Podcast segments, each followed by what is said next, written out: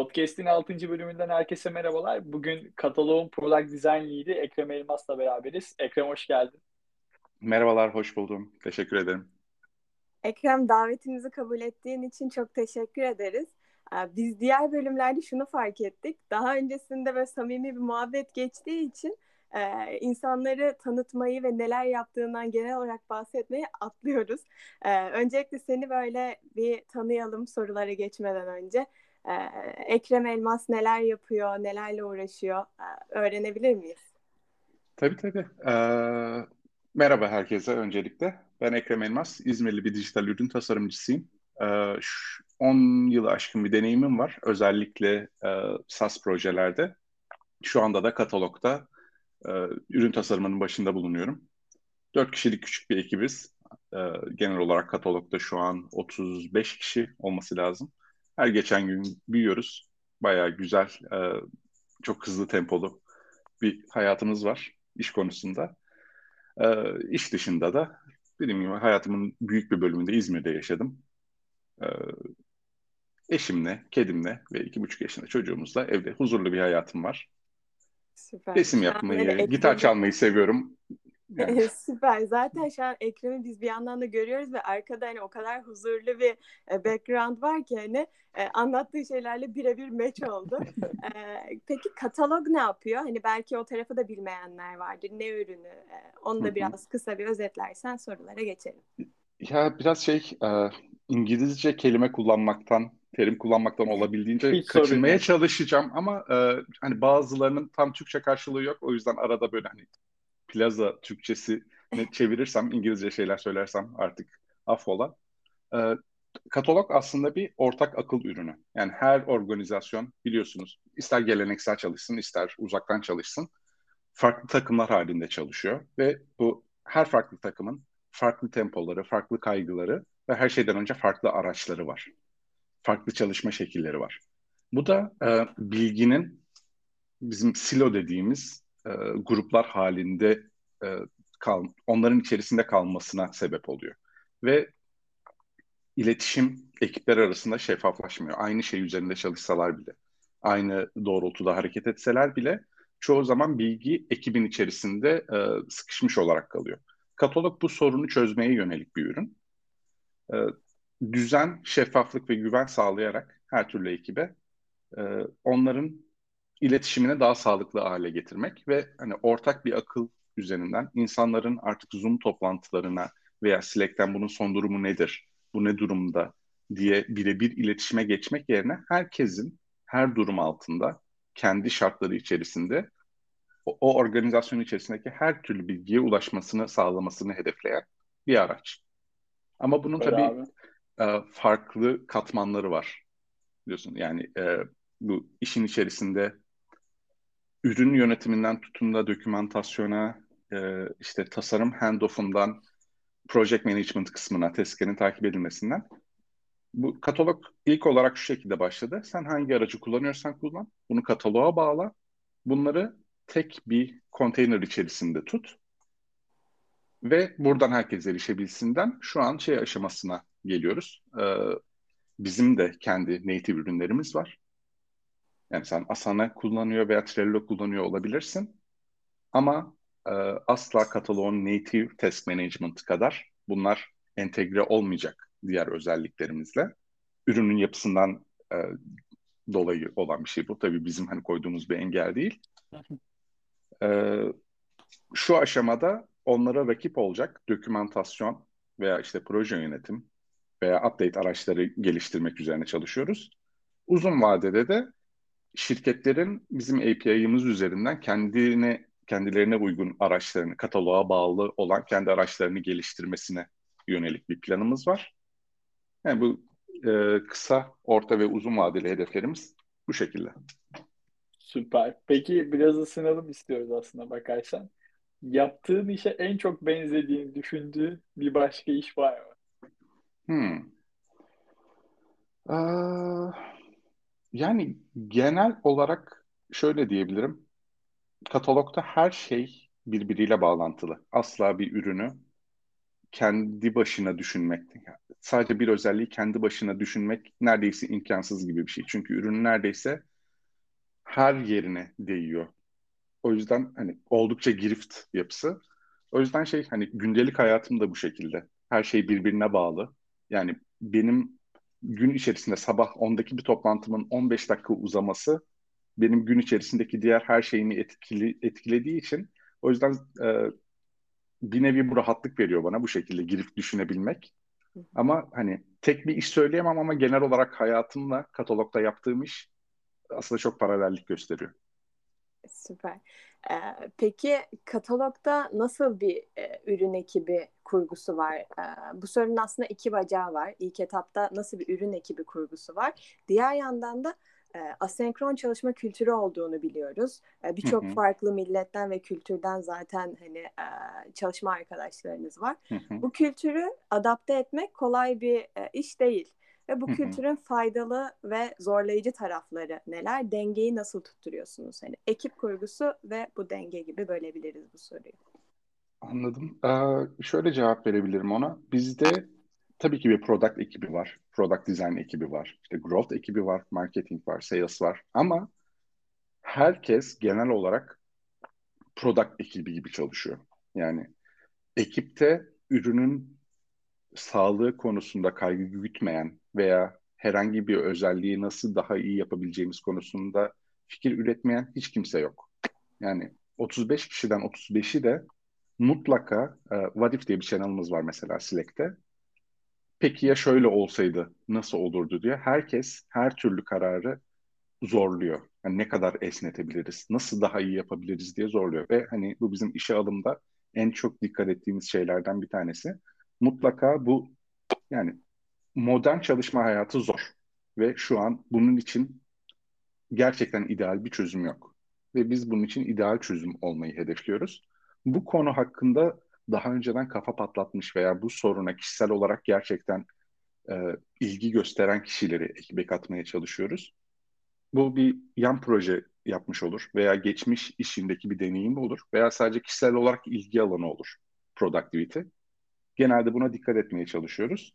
Ama bunun dışında tabii geleneksel olarak bir product ekibimiz var. Onun da genel e, görevi işte satış ekibiyle konuşarak veya e, customer team'le konuşarak belli doneleri alıp bir filtreden geçirip e, diğer ekiplerin, tasarım ve yazılım ekiplerinin anlayabileceği şekilde dökmek. Ama e, iki tane şey var benim daha önce hiç şahit olmadığım. Birincisi e, herkesin özellikle product ekibinin köprü görevi görmesi ve tamamen engel kaldırmak üzerine çalışması. Yani genelde şey yapar. Daha önceki deneyimlerimde product ekibinin işi engel yaratmaktır. Yani duvar örmek seni doğru yönde tutmaktır.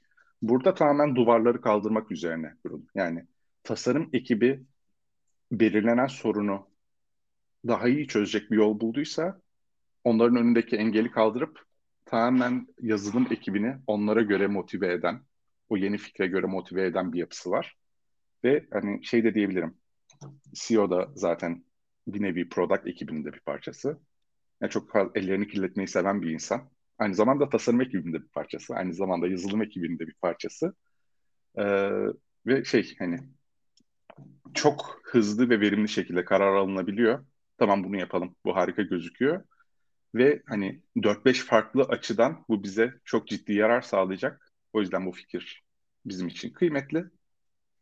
Ve herkes de bu şeye e, bunu yapalım dendiği zaman herkes de gerçekten iştahlı bir şekilde ona saldırıyor. Bizim e, birincisi bu. Hiç daha önce deneyimlemediğim şey. İkincisi de tamamen son kullanıcıya yönelik bir hikaye yazıp yani bu özelliği yapıyoruz. Ama ne olacak? Bunun teknik detayları ne? Veya işte sınırları ne bunun? Nerede duracağız? Dan ziyade son kullanıcıya yaratacağı faydayı bir hikaye hakkına getiriyoruz. Hatta bizim PR FAQ dediğimiz bir şey var. Ee, sanki bu özellikle alakalı bir şey TechCrunch'ta yayınlanacakmış gibi yazıyoruz. Ve içerisinde hani customer testimonial da var. Evet ben kataloğun bu özelliğini kullandım ve bana şöyle bir fayda sağladı şeklinde. Ve herkes o özellik üzerine çalışacak olan herkes bunu okuyor. Haliyle hani bir insanın yani 500 kişilik bir şirketin bunlar ne gibi bir fayda sağlayacağını daha ne olduğu yani işe başlamadan önce bile kavruyor. Daha sonra bunu user story'lere çeviriyoruz. Daha sonra bunu ekiplere task haline çevirip delege ediyoruz. Ama her şey hikayeyle başladığı için ve e, herkesin hayal edebilmesini sağlıyor. Ürün bittiğinde nasıl olacak? Belki bundan 6 ay sonra gerçekleşecek bu. Ama e, iştahı yüksek tutmak için çok işe yarar bir metot bence. Süper.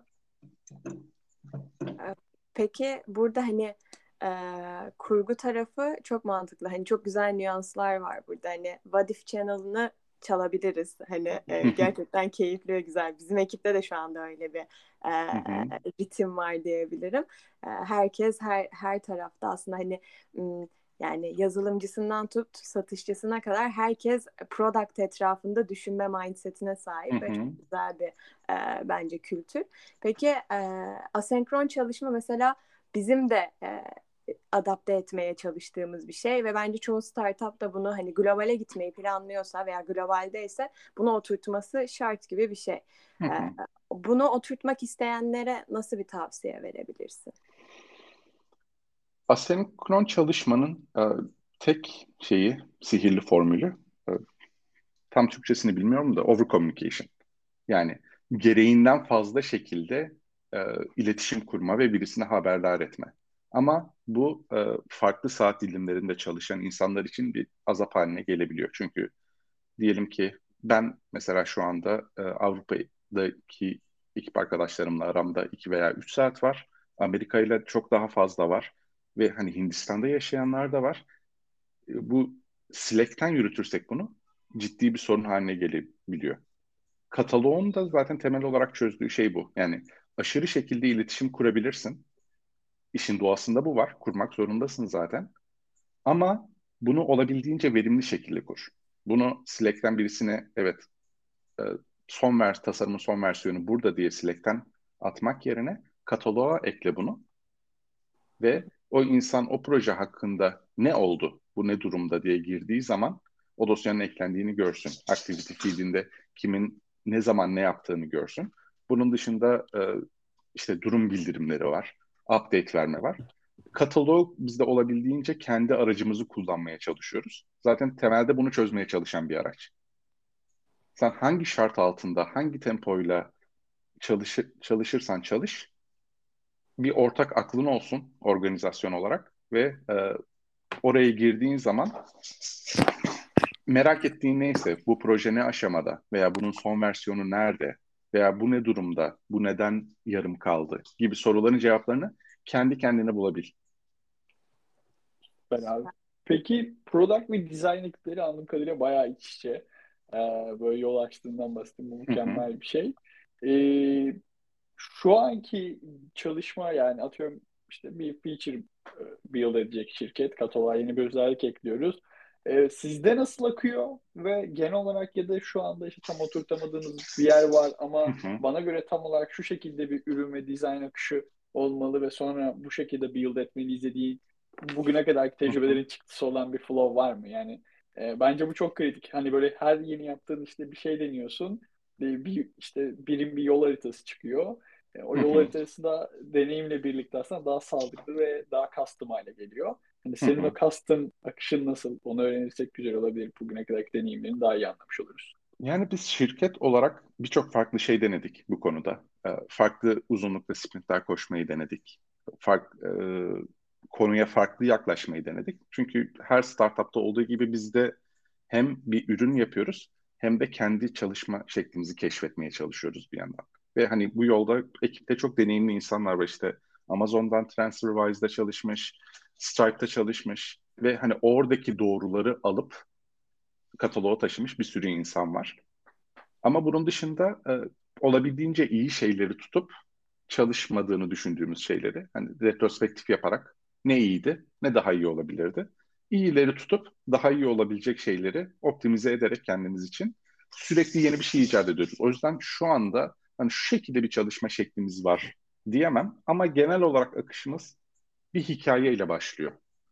Yani şöyle bir durum keşfettik. Diyelim ki e, şu şu şu durum altındaki bir persona yani 500 ve 1000 kişi arasında büyüklüğü olan şirketlerin e, Microsoft entegrasyonu ihtiyacı var. Çünkü bu büyüklükte şirketler Microsoft kullanıyorlar. Biz bu konuda geri kalıyoruz. Hikaye aslında bu kadar. E, biz bu konuda eksik kalıyoruz. Böyle bir ihtiyaç var. Bunu nasıl bir biz bir avantaj haline getirebiliriz veya bir feature haline getirebiliriz içerisinde, e, ürün içerisinde.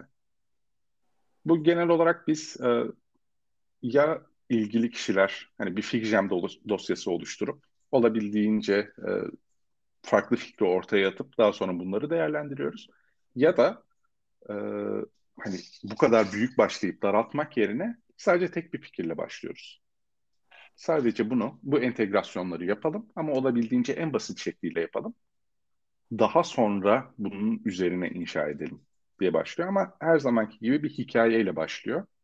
Daha sonra e, bunun bu PRFAQ dediğim dosyasını yazıyoruz beraber. Bu da şey değil, yani sadece product ekibinin görevi değil.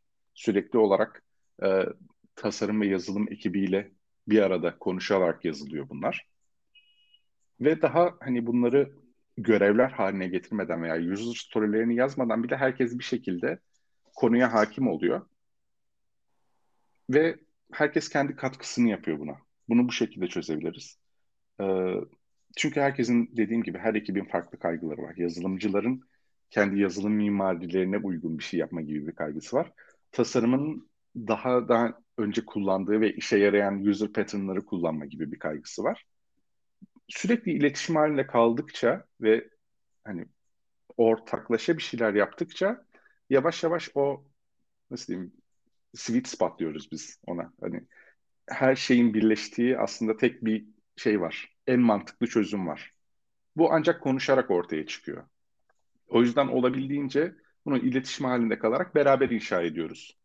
Bu hikayeden başlayan şeyi çözüme götürme sürecinde herkesin olabildiğince katkısı oluyor. Ama yapı olarak tabii ki hani geleneksel rollere de kaçınılmaz şekilde biz de onların içerisinde yer alıyoruz. Yani product ekibi dokümantasyondan sorumludur, iletişimden sorumludur, tasarım ekibi tasarımdan sorumludur, yazılım yazılımdan sorumludur tabii ki. Ama e, hani bunun aradaki bu sınırları olabildiğince şeffaflaştırmaya çalışıyoruz. Evet, çok mantıklı. Ya zaten o sınırlar keskinleştikçe insanlar körelmeye başlıyor ve e, tek yönlü düşünmeye daha eğilimli bir hale geliyor. O yüzden bence keyifli ve insanları da challenge eden bir şey. Ee, peki çok farklı dikeylerden, farklı şirketlerden e, süreçleri birlikte getiren e, ekip arkadaşlarınız var. Hı E, işte Amazon'dan vesaire hepsi farklı deneyimlerle gelip e, farklı süreçler kuruyor. Peki burada deneyip fail ettiğiniz bir süreç oldu mu? Hani ve bunun arkasında yatan sebepler neydi? Çünkü genelde işte başarılar da çok tabii akılda kalıyor ama fail eden şeylerde deneyimleri öğrenmek bazen insanlar için daha da ilgi çekici hale gelebiliyor, daha da akılda kalabiliyor. Yani her aslında ekibin farklı farklı bu şekilde fail ettiği durumlar var. Mesela bu tasarım ekibi için bir e, user pattern oluşturup veya bir akış oluşturup bunun zaman geçtikçe aslında bizim future proof dediğimiz yani zamanın testine dayanamıyor. Bir şeyi yaptık. O an için doğru bir karardı. Ama 5 adım sonrasını hesaplayamadık ve hani şu an fail etti bu. Bu gibi fail'larımız var. Onun dışında e, mesela satış ekibinin yaşadığı bir fail var. O da şu şekilde. E, bu arada satış ekibinin başında InVision'dan Ryan diye bir arkadaşımız var. Ve hani InVision ne kadar büyük bir şirket biliyorsunuz. Oradaki e, satış ekibinin oluşturduğu akışı katalogda oluşturmaya çalıştı. Çok daha sınırlı bir ekiple ve çok daha hani early stage bir şirkette. Haliyle bu da mesela fail etti. Ama fail etmesinin sebebi yanlış olması değil. Çok doğru bir karardı. Çok mantıklı ve herkes de arkasındaydı. Sadece zamanlama olarak çok erken bunu yapmak evet. için. Ya, ya belki bundan bir sene sonra çok inanılmaz bir işe yarayacak bir fikirdi. Bir kurguydu. Ama şu an için işimize yaramıyor. Çünkü daha kendimizi anlatma sürecindeyiz bu onun yani çalışması için herkesin zaten bizim kim olduğumuzu bilmesi gerekiyor. Yes. Çünkü satış yani. görüşmelerinin 30 dakikalıksa ilk 20 dakika zaten kataloğun ne olduğunu anlatmakla geçiyor şu anda. Sonraki 10 dakikası o şirket bundan nasıl fayda sağlayabilir şeklinde hani senaryo üretmek. Ee, ama bu işte ilk kataloğun ne olduğu kısmı zaten geçerse, herkes bilirse veya işte mesela bu da bir fail sayılabilir. Demek ki bizim web sitemiz kim olduğumuzu ne kadar iyi ya çok iyi şekilde anlatmıyor. Ki satış ekibi 20 dakika harcıyorsa kim olduğumuzu anlatmak için. Hani bunlar fail başlığı altında değerlendirilebilir. Ama ama aslında bir sonraki başarı içinde küçük evet, stepler. Evet. Yani bu optimizasyonu yapmaya kalıyor geri kalan iş. Bu şu an için erken. Bunu daha basitleştirelim. Bu aşamaya geldikten sonra bir adım ileriye taşıyabiliriz diye. Nice. Süper. Şimdi e, katalog süper. Bence katalog çok kişide oturmuştur. E, meraklıların da heyecanı e, sizin siteye doğru böyle yönelmekle yavaş yavaş gideriliyordur. Şimdi biraz da şey, Ekrem'i merak edenlere Ekrem'i tanıtalım istiyoruz. Ee, işte küçük AB sorularımız var. Artık yavaş yavaş anlatmamaya başlıyoruz AB Parti'nin ne olduğunu. AB Parti de popüler oluyor böyle biz yaptıkça. Biz onu görüyoruz popülerleştiğini diyeyim. Ee, hemen başlayayım. Kitabını okumak mı yoksa filmini izlemek mi? Kitabını okumak. Çünkü e, aynı kitabı okuyan birçok farklı kişi zihninde farklı farklı şeyler canlandırıyor. Ne kadar iyi tabir edilse edilsin kitapta. Bence o yüzden inanılmaz bir özgürlüğü var. Süper. Peki sence e, gündüz insanı mısın yoksa gece insanı mısın? Gece insanıyım. En aslında verimli olduğum, verimli çalıştığım zaman veya zihnimin e, en çok serbest kaldığı zaman gece yarısından sonra. O yüzden geç yatmayı seviyorum. Süper. Peki tatile giderken uçak yolculuğu mu yoksa arabayla geze geze gitmek mi? Aa, zor zor seçim. ya, arabayla geze geze gitmenin de yani kendine has bir çekici yanı var ama e, uçak diyeceğim çünkü hani zamanı parayla satın alabildiğiniz çok az sınırlı şeylerden biri. Güzel güzel yorum. Peki küçük bir startup'ın parçası olmak mı yoksa yüz ve üzeri çalışanı olan bir startup'ta yer almak mı? Bir cevap veremeyeceğim çünkü asla yüz ve üzeri çalışanı olan bir yerde hiç çalışmadım. O yüzden ben hani, hep küçük ekiplerle çalıştım ve hani çok seviyorum. Herkesin e, ulaşım alanımda olmasını çok seviyorum. Hani bambaşka bir departmandan hiç tanımadığım bir kişi katılmış yani o departman 5 kişiyken 15 kişi olmuş. Kim bu 10 kişi? Hepsini tanımak için ciddi efor sarf etmek gerekiyor.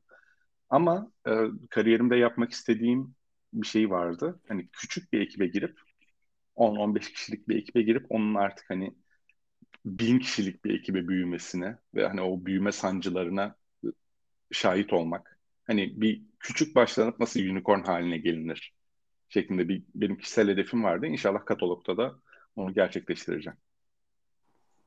Süper. Peki pijamayla mı bu hedefi gerçekleştireceksin yoksa evdeyken de dışarı çıkar gibi giyinerek çalışarak mı?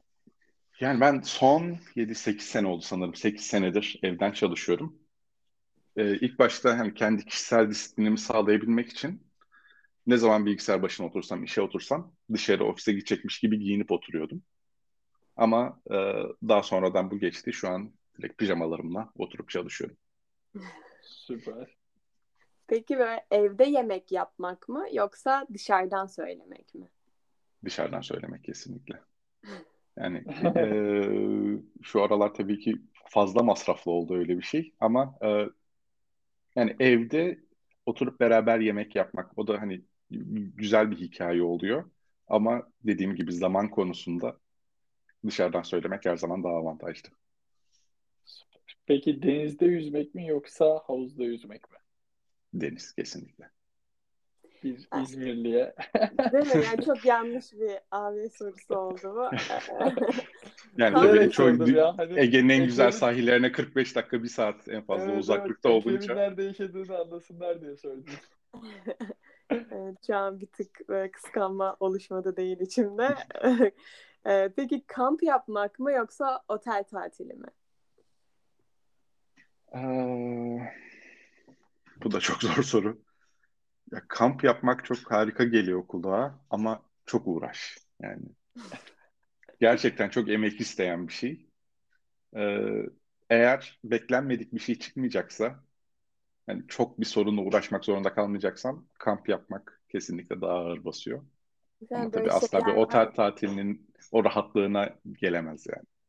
Evet şey gibi. İkisinin arası bu ara işte son 1-2 senedir çok şey ya popüler ya bungalovda kalmak E, glamping, evet. Aynen. Aynen. Kamp yapıyorum ama çadırım çok iyi. Ama kahvaltımı getiriyorlar falan sana. Ya o kadar kahvaltım ayağıma gelsin rahatlığında olmasa bile hani mesela çadırını kurmuşsun, etmişsin, her şeyini hazır etmişsin ama taşımak zorunda kalıyorsun bir sebepten dolayı. Onu Evet. tekrar hani kaldırıp kurmak falan hani onlar çok inanılmaz şu an. Angarya Evet. geliyor bana. Doğru diyorsun. Peki tatlıcı mısın yoksa tuzlucu mu? Aa, tuzlucuyum diyebilirim. Tatlıya karşı böyle bir inanılmaz bir zaafım yok. Seviyorum tabii tatlıyı ama hani tuz, bir tuzlu yemeği daha çok canım çeker. Peki sadece spora yazılmak mı yoksa düzenli olarak spora gitmek mi? Düzenli olarak spora gitmek ama çok ciddi bir irade isteyen bir şey. Ben e, her zaman yazılıp gidemeyen gruptan olduğum için son yaklaşık bir senedir bir personal trainerla çalışıyorum ve hani bu olaya bakış açımı acayip değiştirdi. Çünkü bu sefer işin ucunun, ucunda bir insan var. Yani ben sadece gelmeyeceğim. Yani normalde spora kendin yazıldığında bugün gitmeyeyim deyip kendi kendine hesap verip veya kendini kandırıp git, gitmemezlik edebiliyorsun. Ama işin ucunda başka bir insan olduğu zaman ona hesap vermek zorundasın yani. Gelmeyecek, ben gelmeyeceğim bugün diyorsun. Neden diyor. Haliyle bu bile başlı başına gitmek için bir sebep. Çünkü şu an bir bahane uyduramayacağım çünkü hani gelmeyeceğim diye. O yüzden gideyim diyorsun. Güzel. Peki en sevdiğin ünlüyle tanışmak mı yoksa en çok görmek istediğin ülkeye gitmek mi? Bak Aa, gitaristleri düşün. Dünyaca ünlü gitaristler. Ya öyle de şimdi bir gitariste veya bir film yıldızına kim olursa olsun e, sen kafanda bir persona oluşturuyorsun. Onun tanıdığını düşünüyorsun. İşte röportajını Tanıştığında izliyorsun da veya bir şeyini okuyorsun. Tanıştığın zaman hayal kırıklığına uğrama ihtimalin çok yüksek. O yüzden ülkeyi tercih edeceğim. O kafamdaki gibi kalsın. Tanışmak istediğim insanlar. Aynı, güzel. aynı fikirdeyim süper. Peki ışınlan, ışınlanmak mı yoksa zihin okumak mı? Aa, ışınlanmak, zihin okumak bence şey hani bir süper özellik gibi gözükse de lanet olabilir. Çünkü Aynen hani öyle. durduramazsın kendini. Peki bu AB sorularından Ekrem'in ya arkadaşlar bu kadar yormayın biraz relax gibi bir özet çıkarabilir miyiz? Çünkü soruların cevaplarına bakıyorum. Abi otelde rahat bir şekilde ama kahvaltım gelmese de huzurum bozulmasa ve zihin okuyup böyle yorulmayayım diyerek muhteşem bir bence özet oldu. Ee, valla Yok, çok çok keyifliydi. Ee, abi Ay, benim için ben- de inanılmaz keyifliydi. Süper sorular hazırlamışsınız. Elinize sağlık. Ne demek ne demek. Ee, çok teşekkür ederiz konuk olduğunuz zaman da ayırdığın hem kendinden hem Katolog'dan bahsettiğin için. Ee, merak edenler de zaten tüm detayları bölümün açıklamasından tıklayarak sana ve e, Katolog'a ulaşabilirler. Ee, biz için çok teşekkür ederiz. Ee, ben son sözü yine Ekrem'e atayım. Ee, söylemek böyle halka e, dünyaya seslenmek istediğin herhangi bir şey varsa e, gönder gelsin. Yok, sadece size teşekkür edeceğim. Hem vakit ayırdığınız için hem beni davet ettiğiniz için. Ee, onun dışında çok keyifliydi benim için de. Süper. Biz teşekkür ederiz. O zaman görüşmek üzere. Bir sonraki Görüşürüz.